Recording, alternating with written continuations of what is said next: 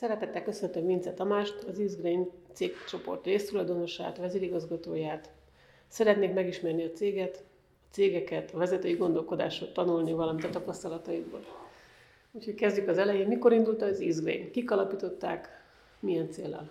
Én is köszöntelek, és köszönöm, köszöntöm ennek a podcastnak a hallgatóit. Hát a cég az 2007-ben alakult. 2007-ben alapították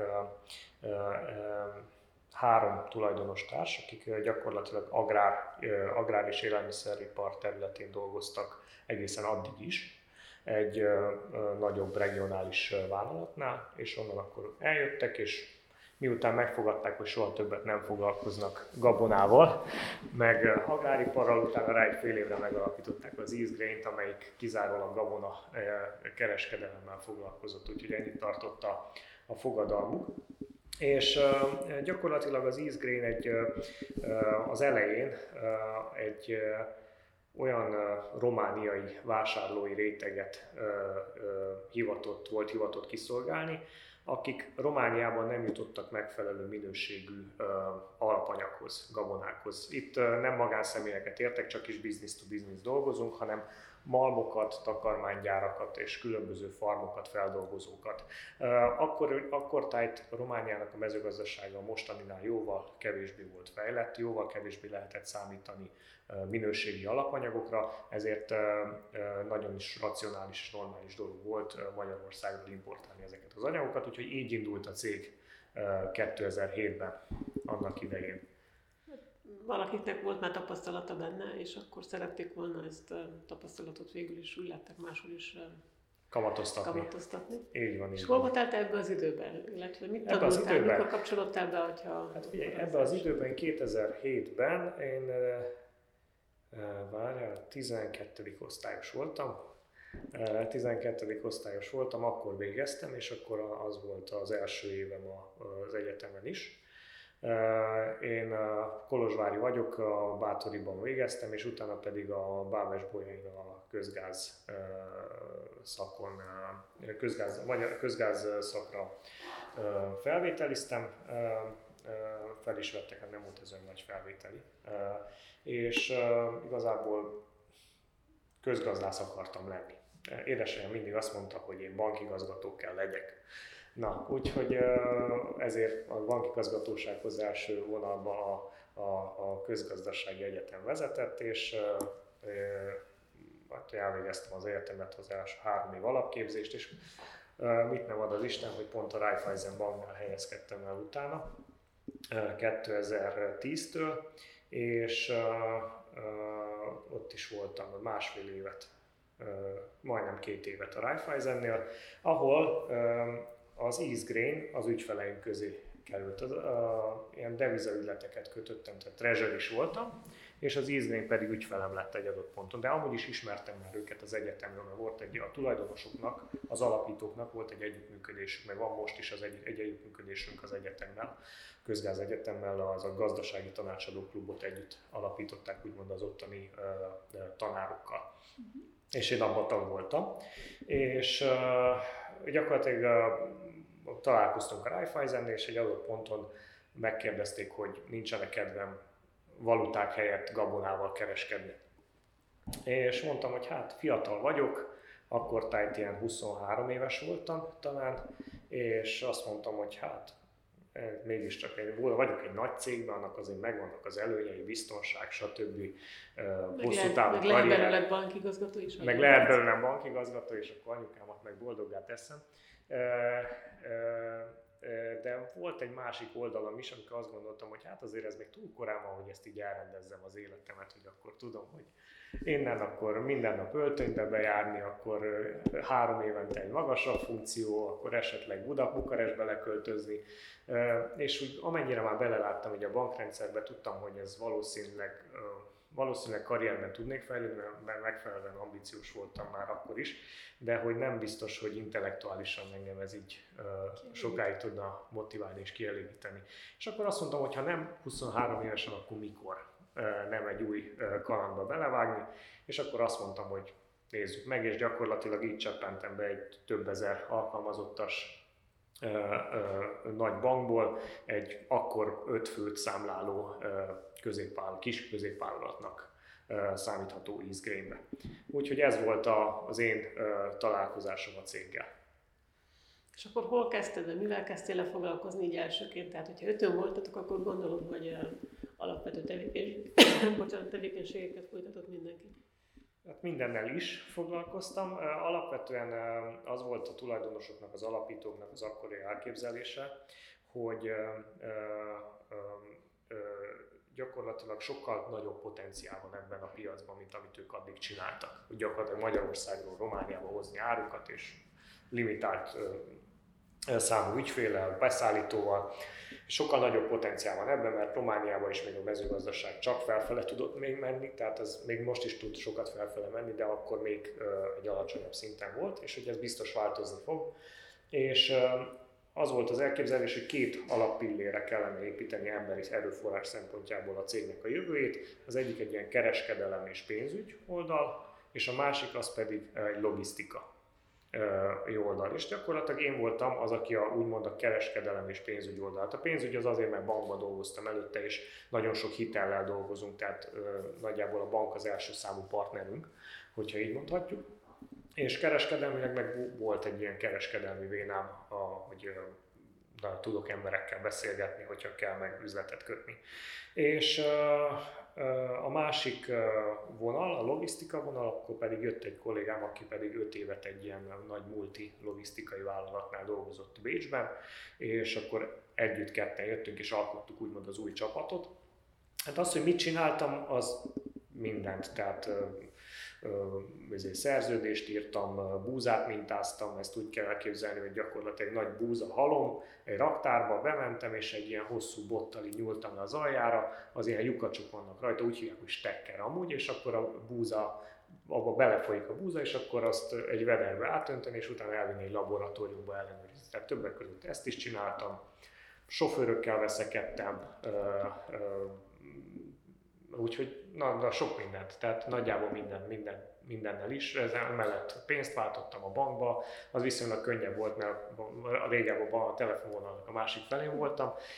Úgyhogy nagyon sok mindennel foglalkoztam, és minden, minden, mindezzel úgy, hogy hatalmas lendülettel, és végül is az első években, amikor itt csatlakoztam a céghez, így majdnem ilyen duplázni tudtunk minden évben, ami, ami viszonylag kemény, kemény évek voltak. Igen, az elég ritka, hogy valaki 50%-os növekedést tudjon Igen. elkönyvelni. Hát akkor folyamatosan növekedett a cég is, veled együtt, és most már tudtam szerint ugye résztulajdonos is vagy. Úgyhogy beszéljünk egy picit erről a folyamatról is, mert annyira még nem, hát nem is tudom, megszokott a, az alkalmazottaknak, vagy valamennyire résztulajdont is adni. Hogy ez milyen folyamat része volt, milyen változást jelentett számodra? Igen, ez mondhatom, hogy az elejétől benne volt a pakliba, amikor már csatlakoztam a, a, a céghez, és ez volt többek között az egyik olyan ok, amiért azt mondtam, hogy igen, meghozom ezt a váltást, mert gyakorlatilag részese tudok lenni valaminek tulajdonosi ö, ö, oldalon is. És akkor, hogyha jól emlékszem, két év aktivitás után, amikor látták a, az akkori, alap, akkori tulajdonosok, alapítók, hogy ez működni fog valószínű, akkor kaptam ilyen, hát ilyen management opciót, belépési opciót.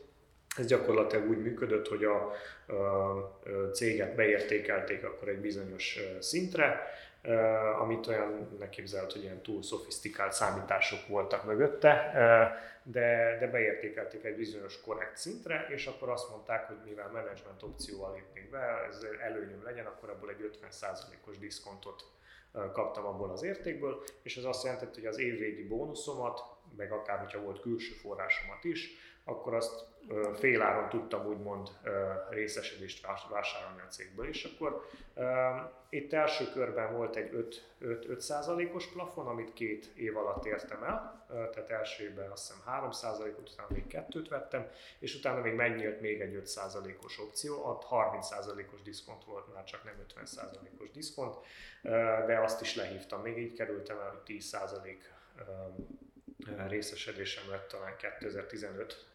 15-16-ra a, a, a cégben, ami aztán szépen a cégcsoportán emelkedett. Úgyhogy ez így volt, és emögött a, a ráció szerintem az, hogy, hogy ez mindenkinek megéri tulajdonképpen, mert a, a, az, a, az alapítók azt mondták, hogy van most egy kicsi torta, de az csak az enyém, vagy csak a miénk, és most, hogyha megnézzük az évek során azért, hogy az ízlény hova növekedett, gyakorlatilag van egy sokszor akkora torta, amiből viszont nincsen 100%-uk, hanem csak 70%-uk, vagy 75%-uk, de ez a 75% nagyságrendekkel többet ér, mint az előtt a 100%. Úgyhogy ez szerintem nekik is megérti, és az, hogy nekem miért éri meg, az is nyilván egyértelmű, mert egy másképp, másképp dolgozik az ember, hogyha, hogyha magának is dolgozik. Nem feltétlenül az osztalékért, nem feltétlenül a pénz vonzatáért, hanem azért, hogy effektív azt érzed, hogy magadnak is építed, magadnak csinálod. Ez biztos így van, a tulajdonosi érzés az, az segít. Eleinte ugye Szatmáron kezdtetek, nem sokkal, nem is tudom hány évvel később költöztetek Kolozsvárra. Milyen változást jelentett a, a költözés? Ez az első, kezdjük ezzel, mert ugye még aztán vannak azóta újabb telephelyek is, vagy székhelyek. A Szatmáron alapították a céget, ez többek között annak volt köszönhető, hogy a, a, a régi a, a munkahelyeik a kollégáknak ott Szatmárhoz kötöttek inkább, és akkor ott volt, ott tudtak kollégákat alkalmazni, irodák bérelni, stb és az ele első három évben, gyakorlatilag 2012-től ilyen 14, 14 végéig talán, úgy volt, hogy minden héten egy napot jártam fel Szatmára, Kolozsváron. Ez minden nap általában egy hétfő volt, mert hogyha a hétfő amúgy is egy nehéz nap, akkor még ne legyen még nehezebb. És ezt csináltam három éven keresztül, és azt kell, hogy mondjam, hogy viszonylag működött, tehát ott egy régi, a meglévő kollégákkal együtt dolgoztunk, csak egy adott ponton elkezdtünk, tehát kinőttük úgymond a, az ottani irodát, tehát már több ember kellett, akkor elkezdtünk gondolkozni, hogy oké, okay, akkor most ott duzzasszuk a csapatot, vagy pedig uh, inkább ott, ahol, ahol életvitelszerűen is élek én is, meg a kollégám is, aki, uh, aki a uh, logisztikai oldalát vitte a cégnek és akkor meggyőztük a, többi tulajdonost, hogy nincsen nagyon értelme szakmát erőltetni, főleg, főleg azért is, mert a humán erőforráshoz való hozzáférés Kolozsváron könnyebb volt, egyrészt az egyetem miatt, másrészt a általánosabban is a, a több ember közül lehet, lehetett válogatni. Ez az egyik ok, és a másik ok az egy piaci ok volt, mert egyre inkább kezdtük kifejleszteni a, a az országnak a középső részét üzletileg. Tehát, hogy addig nagyon so, sokat voltak partnereink Kelet-Magyarországon, meg Szatmár megyébe, Bihar megyébe, de egyre inkább kezdtük kifejleszteni ezt a Maros, Kolozs, Fehér, Szeben megyét, mint, mint felvásárlási piac, egyre több farmerrel kerültünk ott kapcsolatba, és, és így közeledtünk Kolozsvárra jövve, Kolozsvárra költözvényi közeledtünk hozzájuk is. És akkor a beszállítótok területileg inkább Erdély, Parcium régiókból vannak, annak ellenére, hogy a Román Alföld híresen, vagy híres a gabona termesztéséről.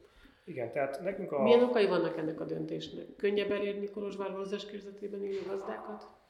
Uh, tehát uh, nekünk az alaptevékenységünk, amivel indultunk, az ugye gabonakereskedelem. Nagyobb, közepes, nagyobb gazdáktól vásárolunk gabonát, és értékesítjük malmoknak, takarmánygyáraknak, különböző feldolgozóknak, olajgyáraknak, stb. Könnyebben elértük innen a, a gazdákat, ahogy az előbb is mondtam. Tehát egyre felfedeztünk egy olyan részt uh, itt a Románia, az Erdély közepében, uh, egy olyan részt, hogy egyre fejlődő mezőgazdaság van, kisebb farmerek, tehát kisebb farméret, ami gyakorlatilag a multi cégeknek egy kicsit nehezebb megközelíteni, mert nyilván minden multi szereti a nagy volument. És nem igazán foglalkoztak sokan ezekkel a gazdákkal, tehát nem volt nagy konkurencia úgymond a felvásárlói piacon, és mi ezt megláttuk a, annak idején, és azt mondtuk, hogy ebben van értelme energiát meg pénzt investálni, és gyakorlatilag napi szinten le tudtuk látogatni 4-5-6 középerdélyi gazdát, akikkel aztán stratégiai kapcsolatunk is alakult ki az évek során. Úgyhogy ez, ez, ez, egy, ez, egy, ez egy nagy lépés volt úgy maga a cégnek az életében. Meg lehetőséget adhatok sok erdélyi gazdának Nyilván, nyilván ez, én is úgy tekintek rá, hogy ez egy közös érdek volt, közös érdek volt, mert itt a legtöbb, akik vásároltak ezen a piacon, azok ilyen helyi kis számszárok voltak, akik aztán tovább, tovább értékesítették más kereskedőknek, aztán azok meg esetleg feldolgoznak, még egy másik multikereskedőnek is feldolgozónak, tehát sokkal hosszabb volt úgymond az értéklánc, és akkor az érték, hogyha minél hosszabb a lánc, annál több árés vesztődik el, és annál gazdának is annál rosszabb úgymond a végén, mert annál kisebb árat kap. Úgyhogy gyakorlatilag egy kicsit felpesdítettük, felpesdítettük ezt a piacot. És hát Erdély után nyitotok egy leányvállalatot Magyarországon is. Ez milyen célral, milyen kihívásokat jelent? Tudunk-e beszélni kulturális különbségekről, a, akár a munkatársak, akár a kliensek szintjén? Uh, igen, a magyarországi leányvállalatot azt 2017 végén uh, alapítottuk. Uh, ez több körülménynek az összejátszása miatt jött össze. Egyrészt még mindig láttuk azt, hogy Magyarországon, kelet, főleg Kelet-Magyarországon viszonylag nagy potenciál van a határon átnyúló kereskedelemben, tehát hogy még mindig lehet vagy, vagy Romániából Magyarországra vinni bizonyos termékeket, vagy Kelet-Magyarországba hozni Romániába bizonyos termékeket és mivel mi itt az ország közepében voltunk már eléggé stratégiailag beágyazva, távolabb kerültünk úgymond ettől a magyarországi zónától, és nem igazán jártunk már annyit ott partnerekhez, viszont éreztük, hogy kellene.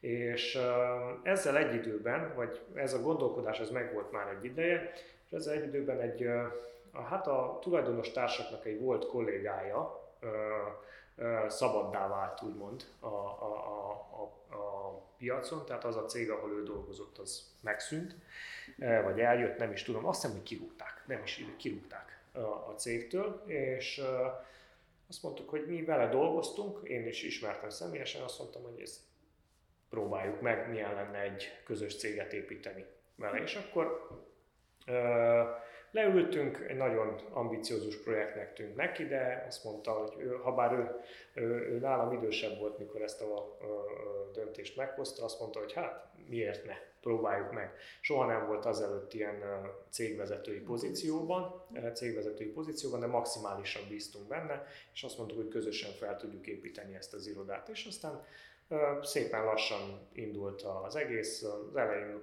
az elején nehézségek voltak ugye a finanszírozás szempontjából, partnerek szempontjából, a cég nem volt, a cég nem volt ismert még annyira, nem volt ismert sok magyar partner felé, és ugye itt jön az első ilyen kulturális sok, mikor ő azt mondta, hogy az a nagy problémája, hogy mikor elmegy egy farmra, és azt mondja, hogy román anyacég, az általában nem úgy fogadják, mint hogyha valaki azt mondja, hogy svájci anyacég. Van, hiába magyarázod el, hogy de európai, meg stb. meg ezért nem, nem, nem, nem fogadták jól úgymond a, a, a termelők. És aztán szerencsére a kolléganőnek megvolt az a megfelelő, meggyőző ereje, és volt olyan respektje a piacon, hogy ezen, ezen túl tudta lendíteni, úgymond az ügyet. És akkor mindenhol egy, valószínűleg egy fél órával hosszabbat tartott mindig egy, egy, megbeszélés. egy megbeszélés, amíg a termelő mindig elmondta, hogy ott a román partnerek hogy verték át annak idején, és akkor amíg meggyőzte őket, hogy de ez az esetben nem így van. És szépen lassan beindult, beindult ez a dolog. Fejlődött ott is a csapat, most már jelenleg hatan vannak a budapesti irodánkban, és gyakorlatilag teljesen önálló cégként működik az East Hungary, viszont nyilván napi szintű kommunikációban vagyunk, és osztjuk egymással az információkat, és üzletelünk is egymással tehát próbáljuk kihasználni ezeket a szinergia lehetőségeket. Vannak kulturális különbségekről kérdeztél, az az egyik, amit mondtam így a, farmerek szintjén. Vannak a kollégák szintjén is kulturális különbségek. Azt vettem észre, hogy Magyarországon, a magyarországi kollégák közül mindenki pontosabb, bürokratikusabb egy kicsit, itt Romániában pedig inkább ilyen ilyen fejjel neki megyünk a falnak, aztán majd eltántorodunk, akkor majd elmegyünk mellette a következő alkalommal. Tehát hozzáállásban inkább ezt látom, ez nem biztos, hogy csak kulturális különbségnek köszönhetően lehet vezetési stílusnak is köszönhető, de, de szerintem van ebben valami. Úgyhogy Úgyhogy igen, vannak, vannak ilyen kulturális különbségek. Az ügyfelek szempontjából is vannak. Magyarországon jellemzően pontosabban fizetnek a partnerek, mint Romániában, de nem mindig. Nem mindig.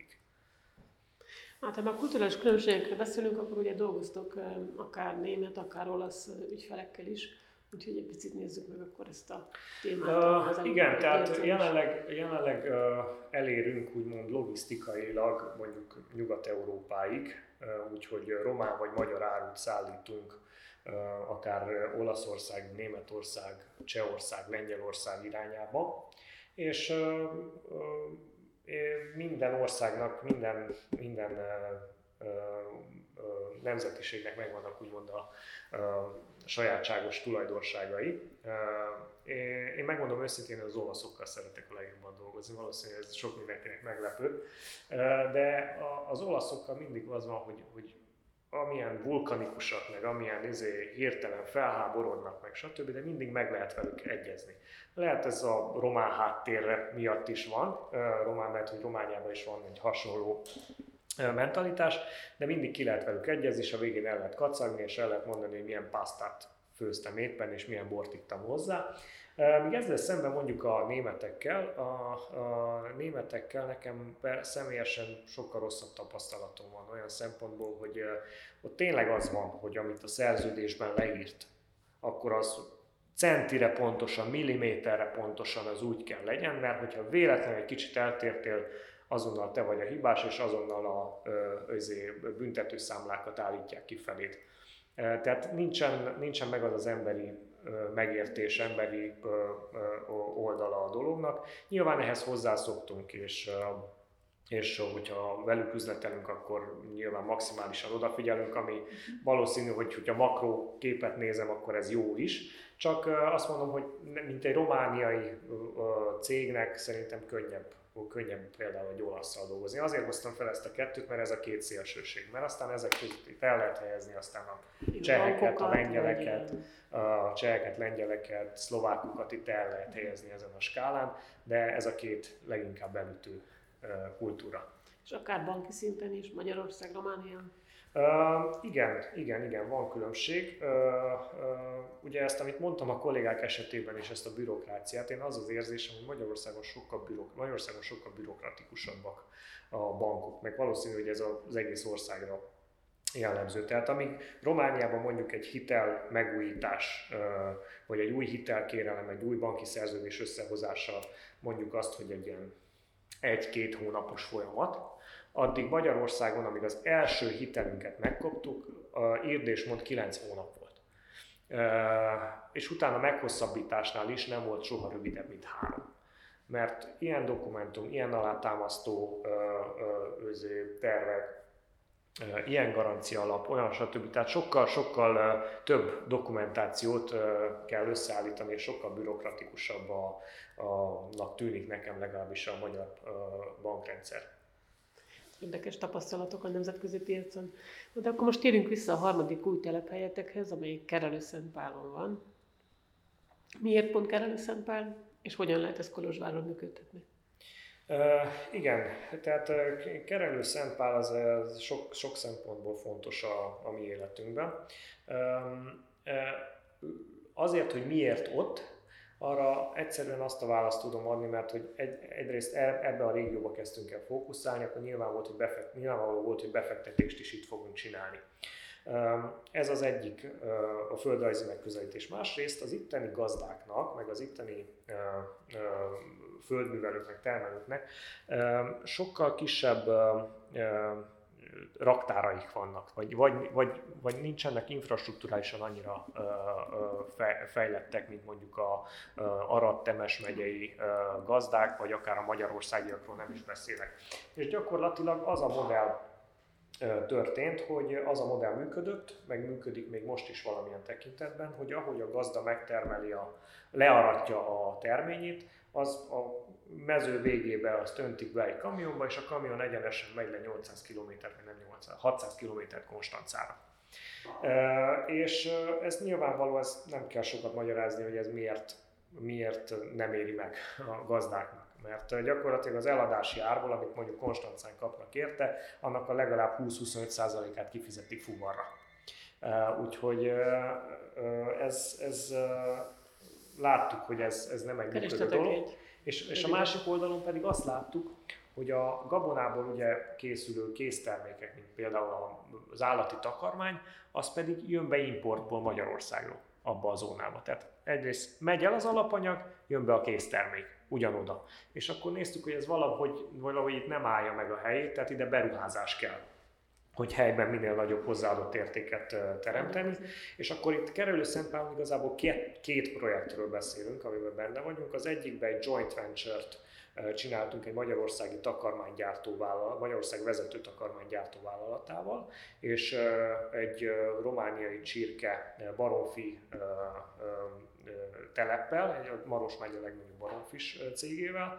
Hármasba csináltunk egy joint venture-t, egy nagy takarmánygyárat építettünk Kerelő Szentpálon, pont emiatt a, emiatt a dolog miatt. És miután már megvolt a, a nagy takarmánygyár, akkor mellette meg nyilvánvalóan érdemes volt raktárakat is létesíteni. Ez a Kerelő Szentpáli Gabona telephely. Ez nem egy joint venture, ez kizárólag az Eastgrain-nek a tulajdonában van, de egymás mellett van a két beruházás.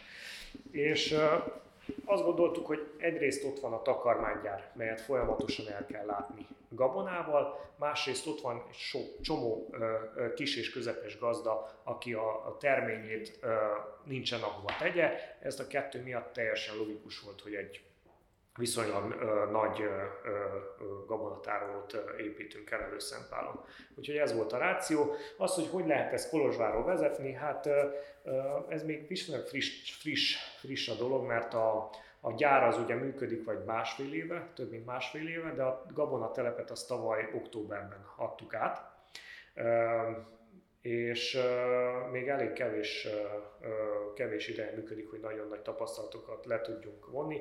Az, az biztos, hogy nem lehet távvezérléssel irányítani. Nem lehet távvezérléssel irányítani, hanem egy, ott egy helyi kompetens vezető kell vezesse, aki nyilván be van kötve utána a, a Kolozsvári Központi Irodába, de egy laza kötelékkel, tehát nem, nem, nem, nem tudjuk távirányítóval irányítani, mert nem látjuk, hogy mik ott a problémák, nem tudjuk, hogy hogy kell ott a legjobban megoldani őket, ezért nekem az a véleményem, és az is a tapasztalata az első pár hónap működésnek, hogy nagy autonómiát kell hagyni a, a telepnek, ezért külön cégen is létesítettük, tehát a cégcsoporthoz tartozik, de ezért külön cégen működik. Úgyhogy most pont márciusban fog jönni egy új ügyvezető, aki, akinek a feladata az lesz, hogy csak és kizárólag azt a telephelyet vezesse. Hát mi beszéljünk később arról, hogy honnan találtak új, új munkatársakat, vesztek át konkurenciától, úgyhogy ezt még később majd átveszem, de most inkább beszél, folytatnám a telephelyel, ugye ritkán szokott a, ritkán szoktunk beszélni az EU-s alapokról, EU-s pénzekről, és ugye ezt a telephelyhez felhasználtatok EU-s alapokat is Úgyhogy talán egy picit ezt boncolgassuk ki, hogy, hogy ez mennyire volt eszköz, mennyire volt cél, ki hogyan szokta használni, és ti hogyan valósítottatok ezt meg. Igen, tehát használtunk, tehát ez a telephelynek a mondjuk a beruházásnak közel 50%-át vissza nem térítendő támogatásból építettük, és ugye ez nekünk egy hogy mondjam, nem egy cél volt, hanem egy eszköz ezeknek a, ezeknek a forrásoknak az elérése. Nekünk amúgy is tervben volt, hogy építünk egy gabonatelepet, mert láttuk ennek a piaci rációját, láttuk, hogy ez kell nekünk.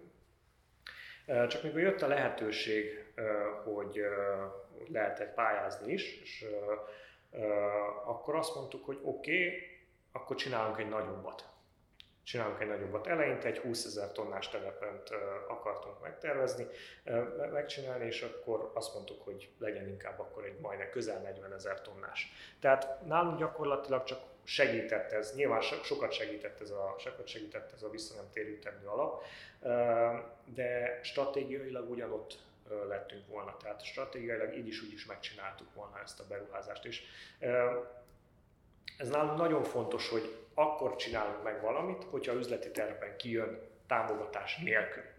Hogyha van pluszba hozzá támogatás, az nagyon jó, nagyon örülünk neki, lehet, hogy nagyobbat csinálunk, lehet, hogy jobbat, performánsabbat csinálunk, de nem az alapján hozunk döntéseket, hogy jó, erre van támogatás, oké, akkor találjunk csináljuk, ki valamit, akkor találjunk ki valamit. Nem ez a célja szerintem ezeknek a támogatásoknak.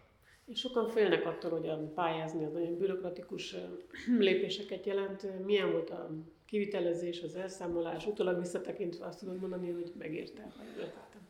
Uh, utólag vissza, egy, egy ezekben azt tudom mondani, hogy megérte. Uh, ugye viszonylag egyszerű volt a, a, a pályázás, az elszámolás, a lehívás.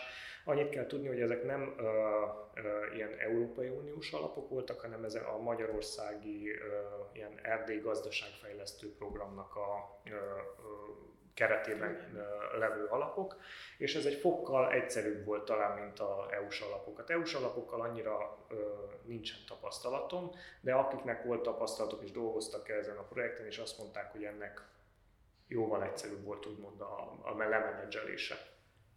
De mindenféleképpen bele kell vágni. Mindenféleképpen, tehát vannak erre szakosodó cégek, tanácsadó cégek, úgyhogy ö, ö, nem, nem gondolom, hogy ettől tartani kellene. Tehát Köszönöm.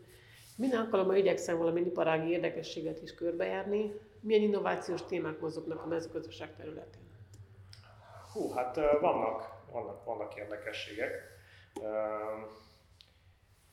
Mondjuk nem annyira ismert, vagy nem annyira mainstream érdekességek, mint mondjuk, mit tudom én, egy elektromos autó, vagy, vagy most, most már az nem is innováció, de, de nem ilyen kaliberűek. Két dolog jut hirtelen az eszembe. Az egyik az a bio, bioműanyagoknak az előretörése. A bioműanyag, amit több, alap, több alapanyagból is lehet előállítani, de jelenlegi technológia úgy néz ki, hogy leginkább kukoricából éri meg. Ez úgy működik, hogy gyakorlatilag a kukoricából kivonják a keményítőt, ami egy 60-70%-a magának a kukoricának, és a keményítőt egy bizonyos kémiai folyamaton átvíve utána ez a bioműanyag alapanyag készül el, kicsi ilyen pellet kék, amit aztán utána mindenki megcsinál olyan nylon, zacskóknak, meg üvegeknek. Meg ezek az újabb zacskók, amit mostanában lehet Igen. Kapni. Na, ezek az újabb zacskóknak a nagy része uh, nem uh, kukoricából van, hanem cukorrépából, uh, cukorrépából, de a kukoricában nagyobb potenciál van. És uh, ez egyrészt, uh, egyrészt uh, piacilag, is, piacilag is egy jó dolog, mert mondják is, hogy a kukoricát, kukoricát úgy nevezik, mint az új kőolaj.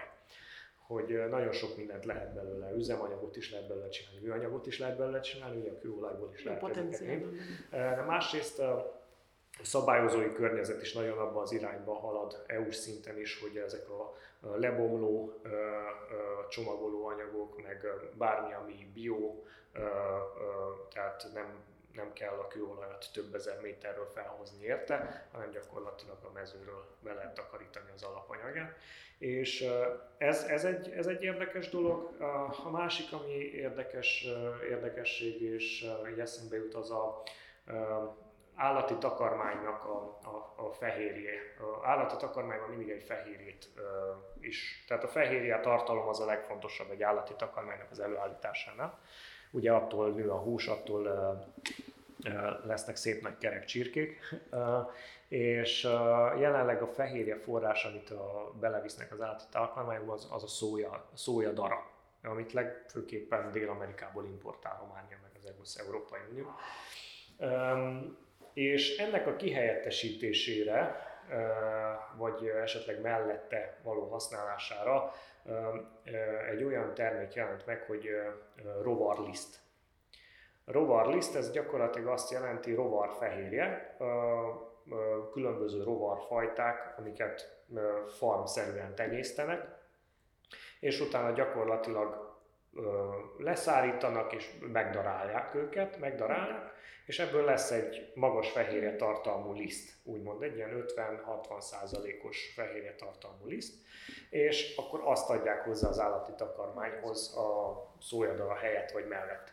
Most nyilván ez még viszonylag az elején van, de már a világ vezető vezető ilyen gabona meg fehérjés cégei már elkezdtek ilyen beruházásokba. Amerikában pont nemrég nyílt az első ilyen hatalmas rovarliszt gyár, úgymond.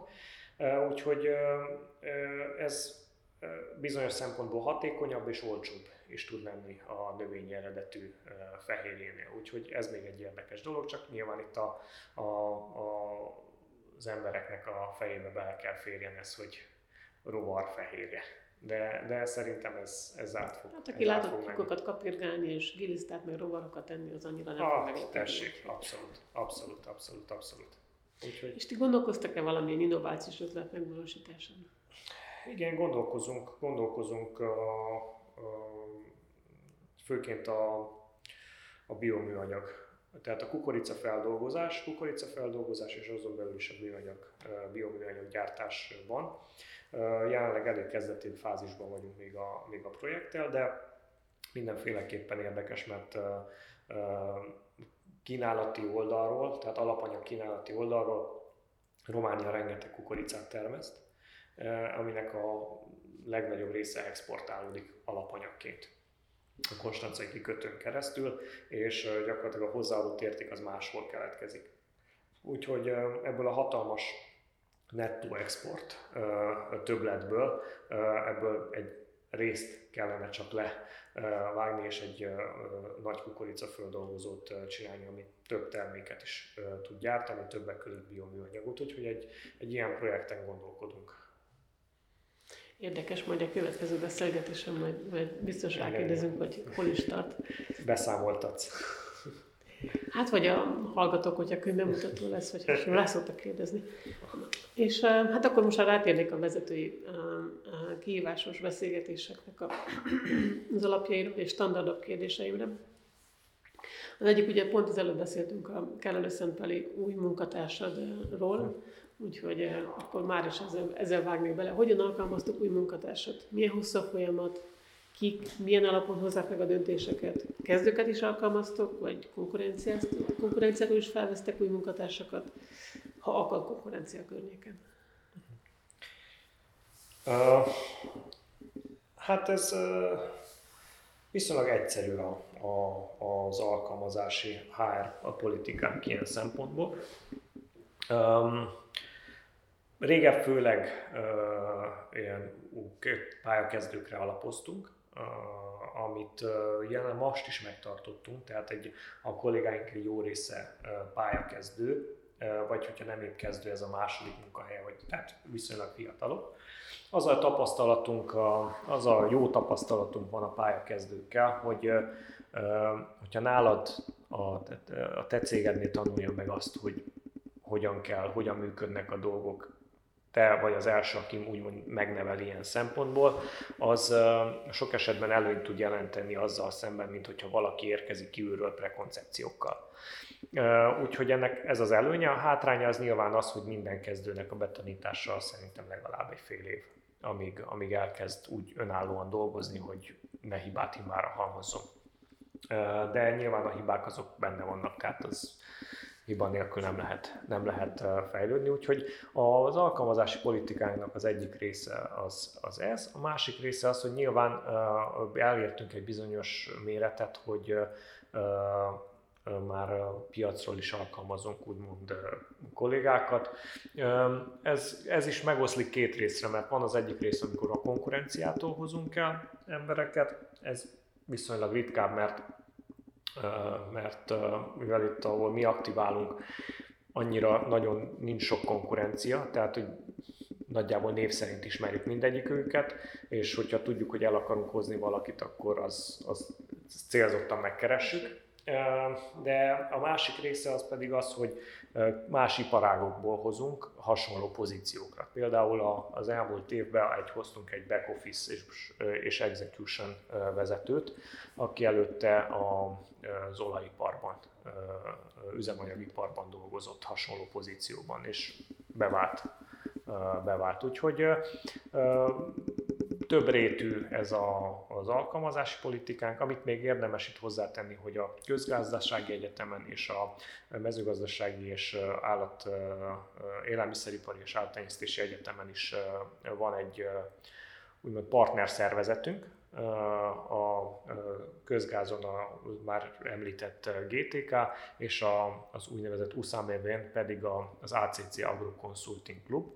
Mind a két szakkollégiumnál alapítók vagyunk, és nagyon sokat foglalkozunk ott a, a diákokkal, látogatnak, meglátogatnak minket a cégben, eljönnek velünk egy-egy napra management shadowing program keretén belül, különböző ilyen piackutatásokat végeznek, prezentációkat csinálnak, versenyekre járnak, és sok, sokan választják azt, hogy végül nálunk a mi cégcsoportunknál helyezkednek el utána.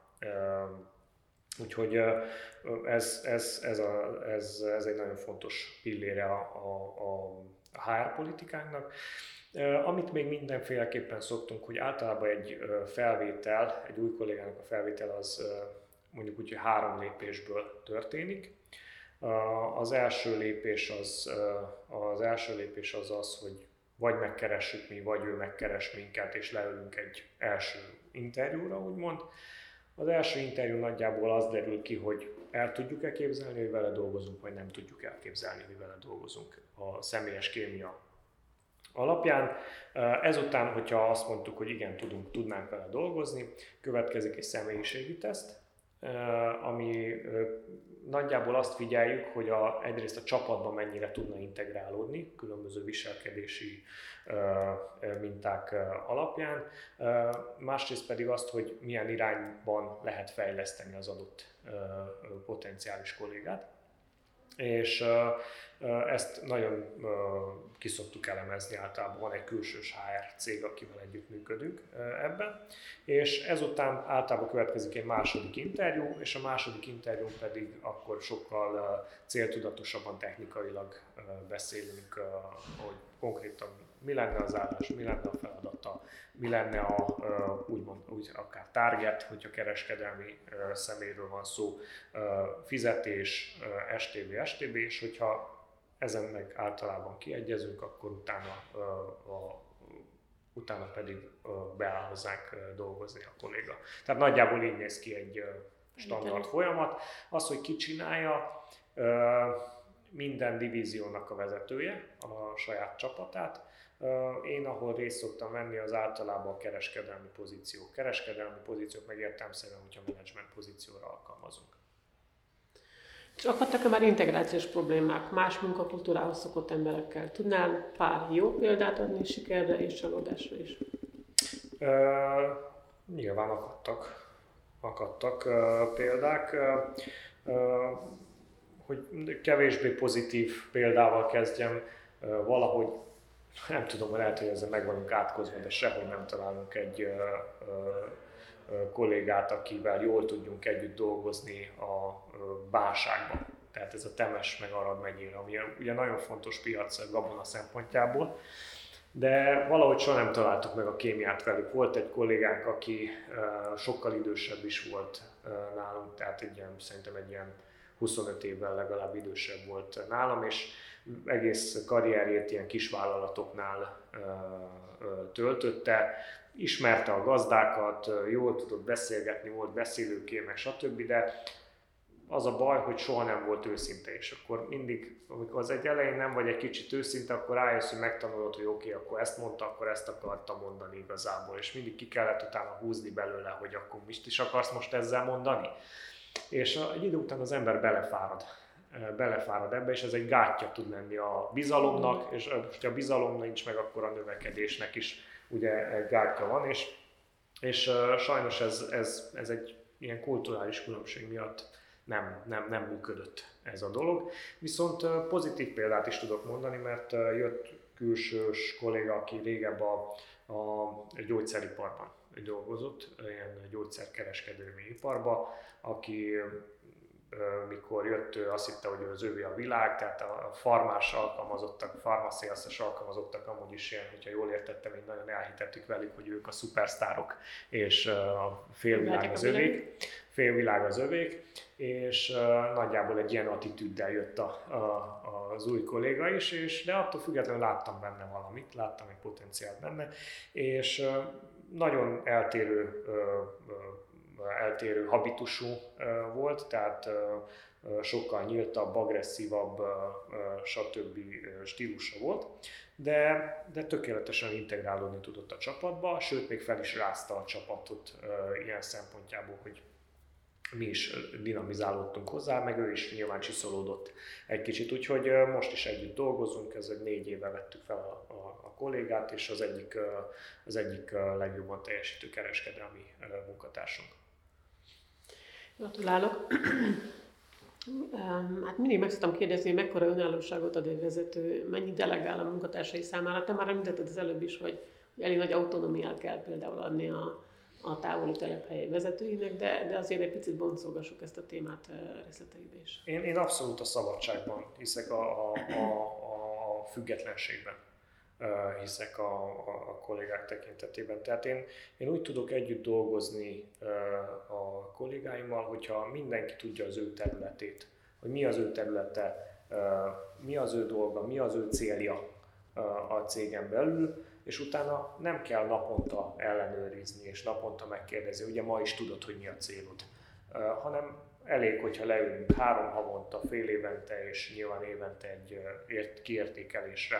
És uh, ilyen szempontból elég nagy szabadságot szoktam adni mindenkinek, nem is tud, genetikailag is úgy vagyok összerakva, hogy nem is tudnék másképp. Lehet, hogy azért is, mert én is ezt kaptam, hogy nagyon nagy szabadság.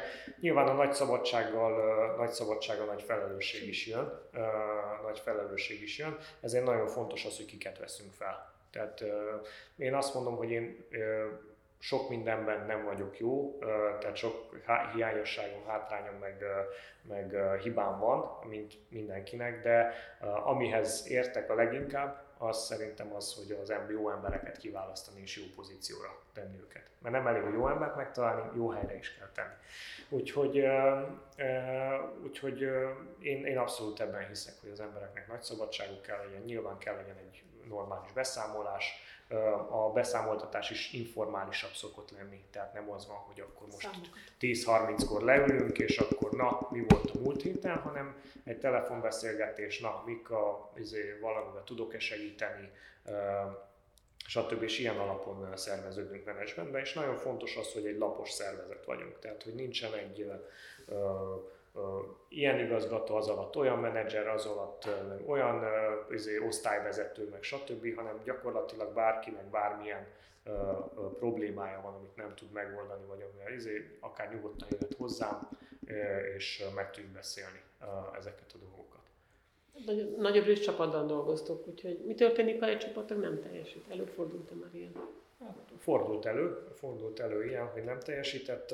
Először is én ilyenkor mindig azt szoktam megnézni, hogy leülök vele és megpróbálok rájönni, hogy miért nem teljesít, vagy hogy mi a, van-e valami, mi a külső-belső oka, nem talál a csapatba, vagy esetleg a kompetenciái nem, mégsem voltak, mégsem jól mértük fel az interjú, hogy jók ez az álláshoz.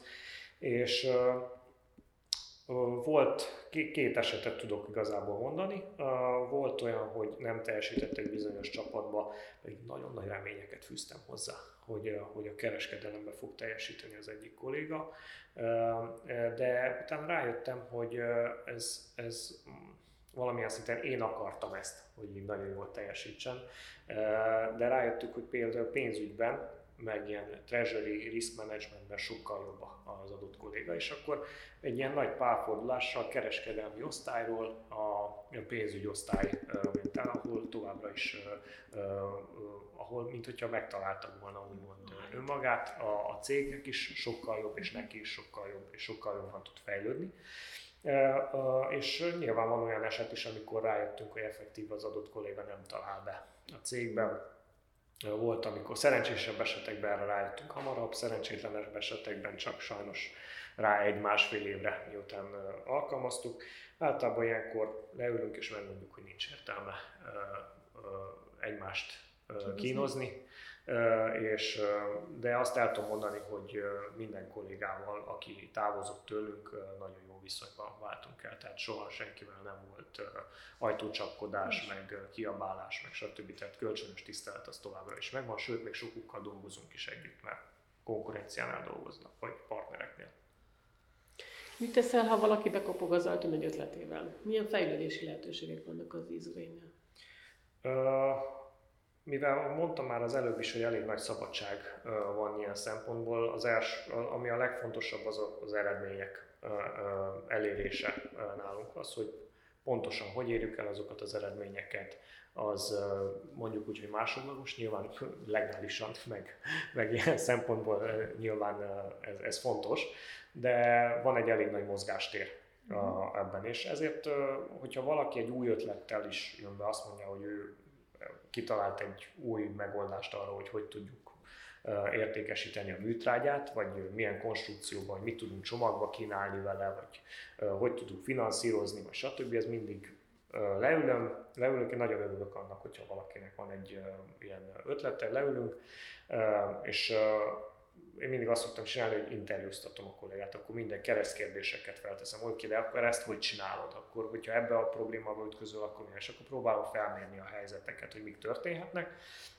Ez úgymond egy ilyen első szűrő, és hogyha ezen a szűrőn átmegy, akkor általában a kolléga meg teljes autonómiát kap arra, hogy ezt a projektet megvalósítsa, mint a saját, saját projektje a cégen belül és ennek a felelőse lesz. Nyilván nekem is mindig nagyon fontos, mikor egy-egy jó ötlet van, a támogatás, hogy megadjam a kollégának a megfelelő támogatást, ezért az ilyen nagyon jó ötleteket, amik nagyon jónak gondolom én is, mindig próbálom én is a magaménak is tekinteni, elsajátítani is.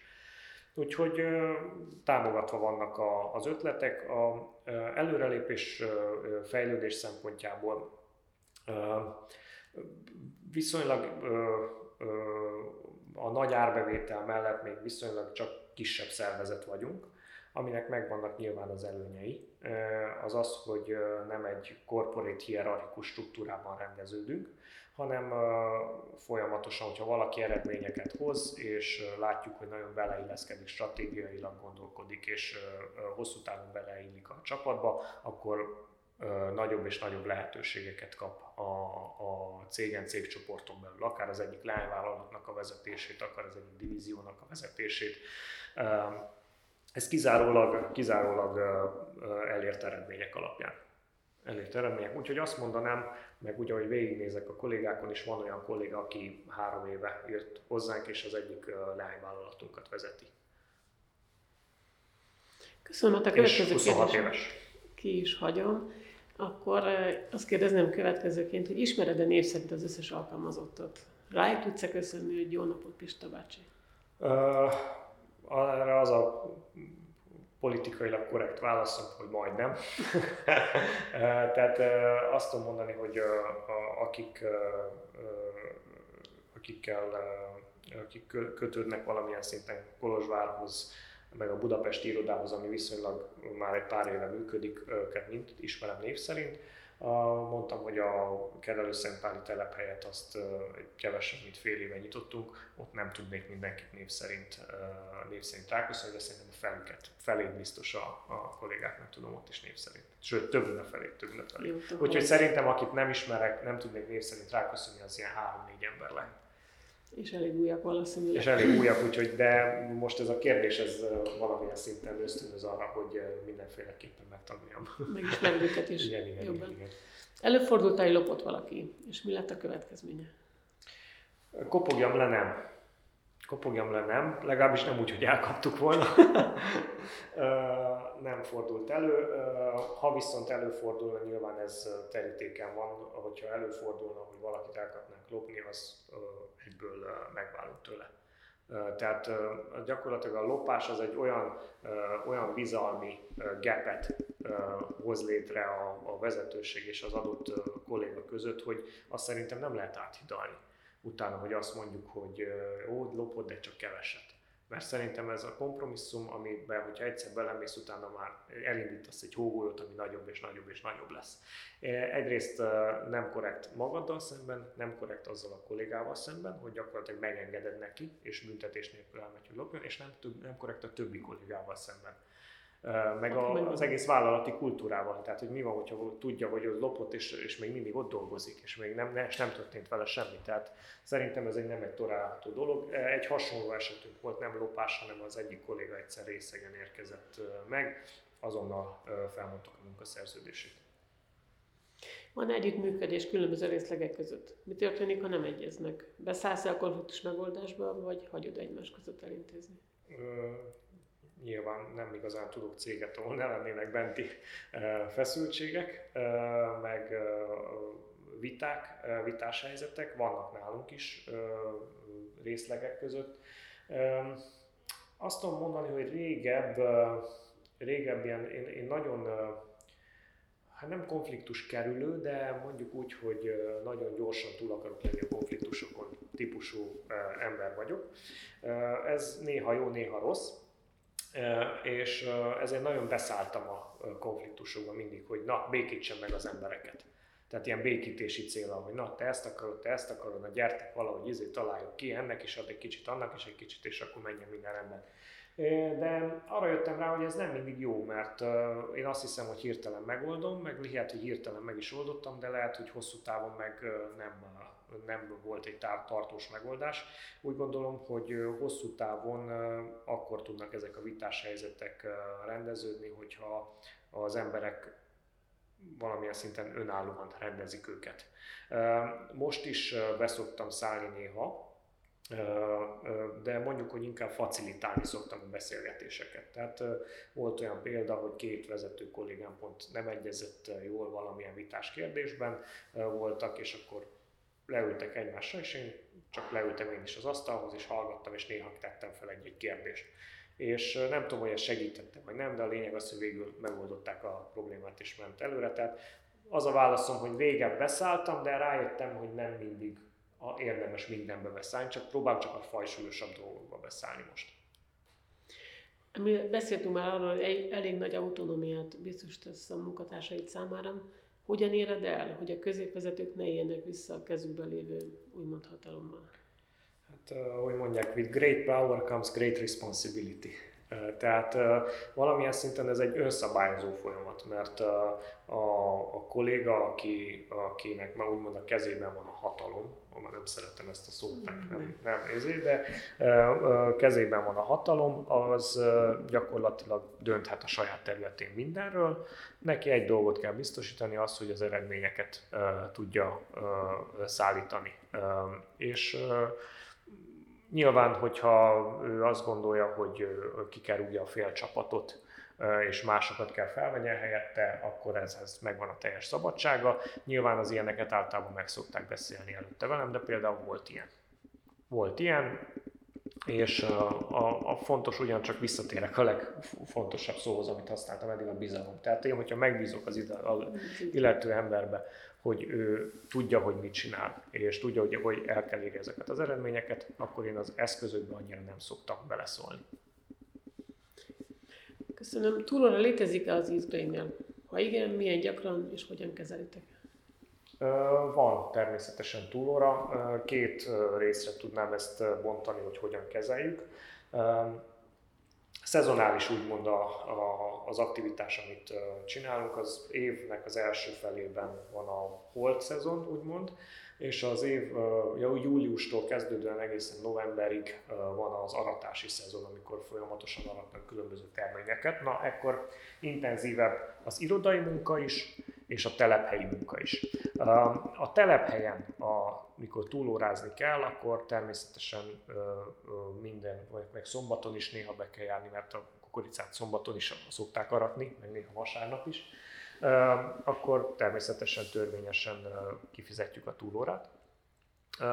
Az irodai alkalmazottaknál ott egy kicsit más rendszert használunk, ott nyilván mindenkinek azt próbálom kommunikálni, hogy el kell végezni a munkát a, a, a 8, napi 8 munkaórában, viszont hogyha ezt nem, van aki, van, aki nem tudja megcsinálni, van, aki megcsinálja kevesebb idő alatt, tehát ilyen szempontból van egy kis rugalmasság a dologban, de Például megvannak azok a kollégák, hogy vettünk el tőlük folyamatosan feladatokat, mert láttuk, hogy este 8-10-ig benn vannak, és azt tapasztaltuk, hogy utána is benn maradtak este 8-10-ig. Tehát van ebben egy, az embertípusnak is van egy kicsi szerepe ebbe a dologba, és ezt úgy szoktuk kompenzálni, hogy látjuk, hogy tényleg nagyon húzott és nem szoliterezett a, a túlórában, általában évvégi bónuszokkal szoktuk ezt honorálni. honorálni igen. Milyen jövőbeni kihívásokat látsz a munkavállalók számára? Fú, jövőbeni kihívásokat. Hát uh, szerintem, szerintem elég nagy kihívás az, hogy, hogy nagyon gyorsan változnak egyrészt, a, a, egyrészt az iparágak, nagyon gyorsan változnak, másrészt most ezzel a koronavírus helyzettel ugye nagyon sokat változik a munkavállalónak a, munkavállalónak a, a szerepe is, meg a fizikai holléte, az életmódja, úgyhogy szerintem ezt az elmúlt egy év az megmutatta, hogy mennyire nagy kihívás a munkavállalóknak az, hogy önállóan egyedül dolgozzanak, a home office-ban, és csak virtuálisan kommunikálva, ahogy mond a kollégáikkal. Mi is az irodában sokáig dolgoztunk home office-ban, most részlegesen vissza vagyunk térve az irodába, de el tudom mondani, hogy ez nem volt egy könnyű dolog. Tehát az elején későn indult, de nagyjából olyan egy-másfél hónap után láttam, hogy ez, ez, ez hosszú távon szerintem nem tud, kifáradnak, nem, nem tud működni. De van, akinek nagyon működik, volt, aki könyörgött, hogy tudjon visszajönni az irodába, mert otthonról nem tud dolgozni. Úgyhogy szerintem ez egy elég nagy kihívás ezzel megküzdeni, de mondjuk reméljük, hogy a koronavírusnak valamikor vége lesz.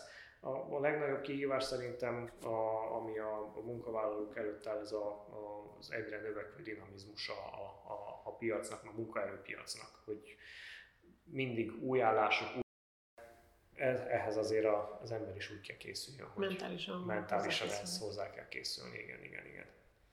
Melyek a következő terveid? Hú, személyes vagy, vagy, vagy professzionális? Elsősorban professzionális, amennyire hozzá kapcsolódik a, a Igen, nyilván, nyilván, nyilván tulajdonosként, meg vezetőként valamilyen szintű összefonódás is van a kettő között. Következő terveim az valamilyen szinten a cégcsoportnak a konszolidálása, amit felépítettünk. Ugye van jelenleg egy öt, öt cégből álló cégcsoport, a, amit vezetek, és ez viszonylag az, az anyavállalaton kívül viszonylag friss az összes többi vállalat, és két-három éves cégekről beszélünk, nagyjából egy-két-három éves cégekről, és ezeknek az együtt dolgozását, ezeknek a, a minél nagyobb szinergi, szinergiáját biztosítani, azt, azt látom egy elég nagy feladatnak a következő egy-két évre, amit, amit tervezek csinálni. Ez az egyik, a másik pedig a, van különböző új projekt, új projektek is nyilván kapcsolódóan a mezőgazdasághoz. Új beruházások, meg új alágazatban való, való megjelenésünk, úgyhogy nem unatkozom, mondjuk úgy, nem unatkozom. És milyen időtartama volt a leghosszabb szabadságodnak, és milyen volt a hatása a cégben? A leghosszabb szabadságom az a utam volt, 5 hét. 5 hetet utaztunk el a kedves feleségemmel Dél-Kelet-Ázsiába. És hogy mondjam, nagyon jól éreztem magam, meleg volt, meg minden, de azt vettem észre, hogy a cégben is működtek a dolgok működtek a dolgok. Mondjuk akkor még nem voltam ügyvezető, csak kereskedelmi vezető, voltam a cégen belül, de akkor is az volt az a meglepetés ért, hogy mikor hazajöttem, egy csomó dolgot megoldottak a, a kollégák, megoldottak a kollégák nélkülem. Nyilván van az embernek egy olyan tévképzete, hogy mindenben ott kell legyen, hogyha, mert ez, ez adja a menedzsernek, a vezetőnek a fontosságát, hogy, hogy ő mindenben ott kell legyen, és mindenben részt kell vegyen. Ez nem így van, és, és pont beszélgettem egy partnerünkkel, aki egy évet volt elutazva ilyen szabatikára, és azt mondta, hogy neki az volt a legnehezebb az egészben, hogy két hét után megállt szólni a telefonja. Tehát két hét után gyakorlatilag, két hétig még hívták, ezért azért utána nem szólt többet a telefonja, és hát, hogy nem vagyok fontos.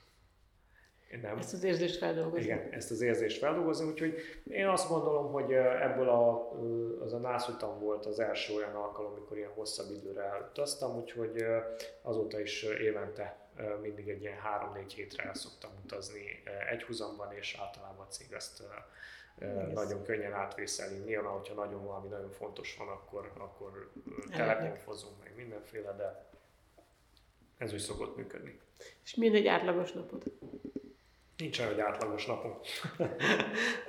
nagyon változatos, nagyon változatos. Például el tudom mondani, hogy múlt héten alig voltam irodában, egy napot voltam talán irodában, azon kívül el voltam utazva Budapestre, el voltam utazva a Kerelőszempára, Szeben megyébe partnerekhez, viszont ezen a héten meg majdnem minden nap irodában voltam, akkor interjúztattunk kollégákat, bankkal tárgyaltunk, tehát nem igazán van egy, van egy átlagos napom, a, akkor van, hogyha irodában vagyok, akkor van általában egy, egy ilyen task rendező, ami egy, két applikáció, amit használok, amely mindig bele szoktam írni magamnak, mert Annyi nem tudom már a fejemben tárolni ezeket a dolgokat, hogy mivel kell foglalkozzak az adott napon, és akkor azt reggel általában kinyitom, és akkor elkezdem nézni, de nincsen egy ilyen nagyon ezért, hogy most ettől eddig ezt csinálom, attól eddig azt csinálom. Próbáltam azt úgy is, de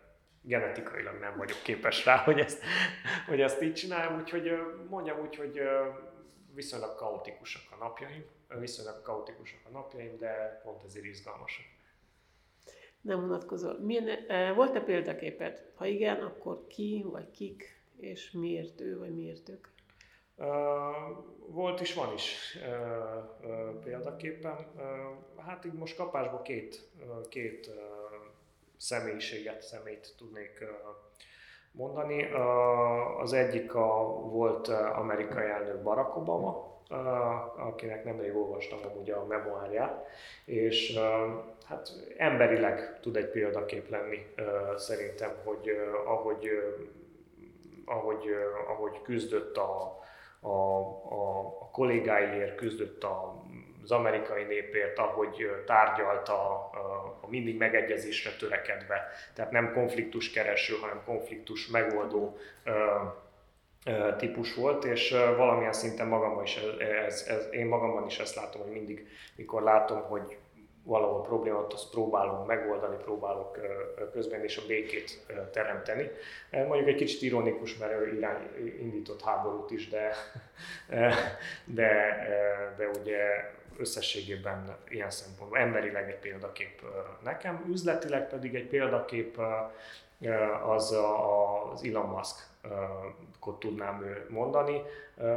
Nem azért, mert feltétlenül feltalálta a rakétával, izé, különböző rakétákat, meg új autókat, meg stb., hanem a vezetési stílusát is sok esetben alkalmazom, ő ugye nagyon pusolja a dolgokat mindig. Tehát ő kiáll és megmondja, hogy két hónap múlva meg lesz ez az autó. Az, az autó nem lesz meg soha két hónap múlva, hanem mit, max fél év múlva, egy év múlva, de pont azért, mert egy ilyen szoros határidőt mond, ezért annyira ösztönzi a csapatot is akivel dolgozik, hogy mindenki maximálisan a cég érdekében együtt dolgozom. Úgyhogy ezt szoktam én is ilyen nagyon rövid határidőket, nagyon nagy horderejű dolgokat megfogalmazni, stratégiai dolgokat megfogalmazni, mert az a tapasztalatom, hogy, hogy, hogy ezek általában meg is valósulnak. Hogyha nem pont abban a formában. Igen, igen, igen, igen, igen.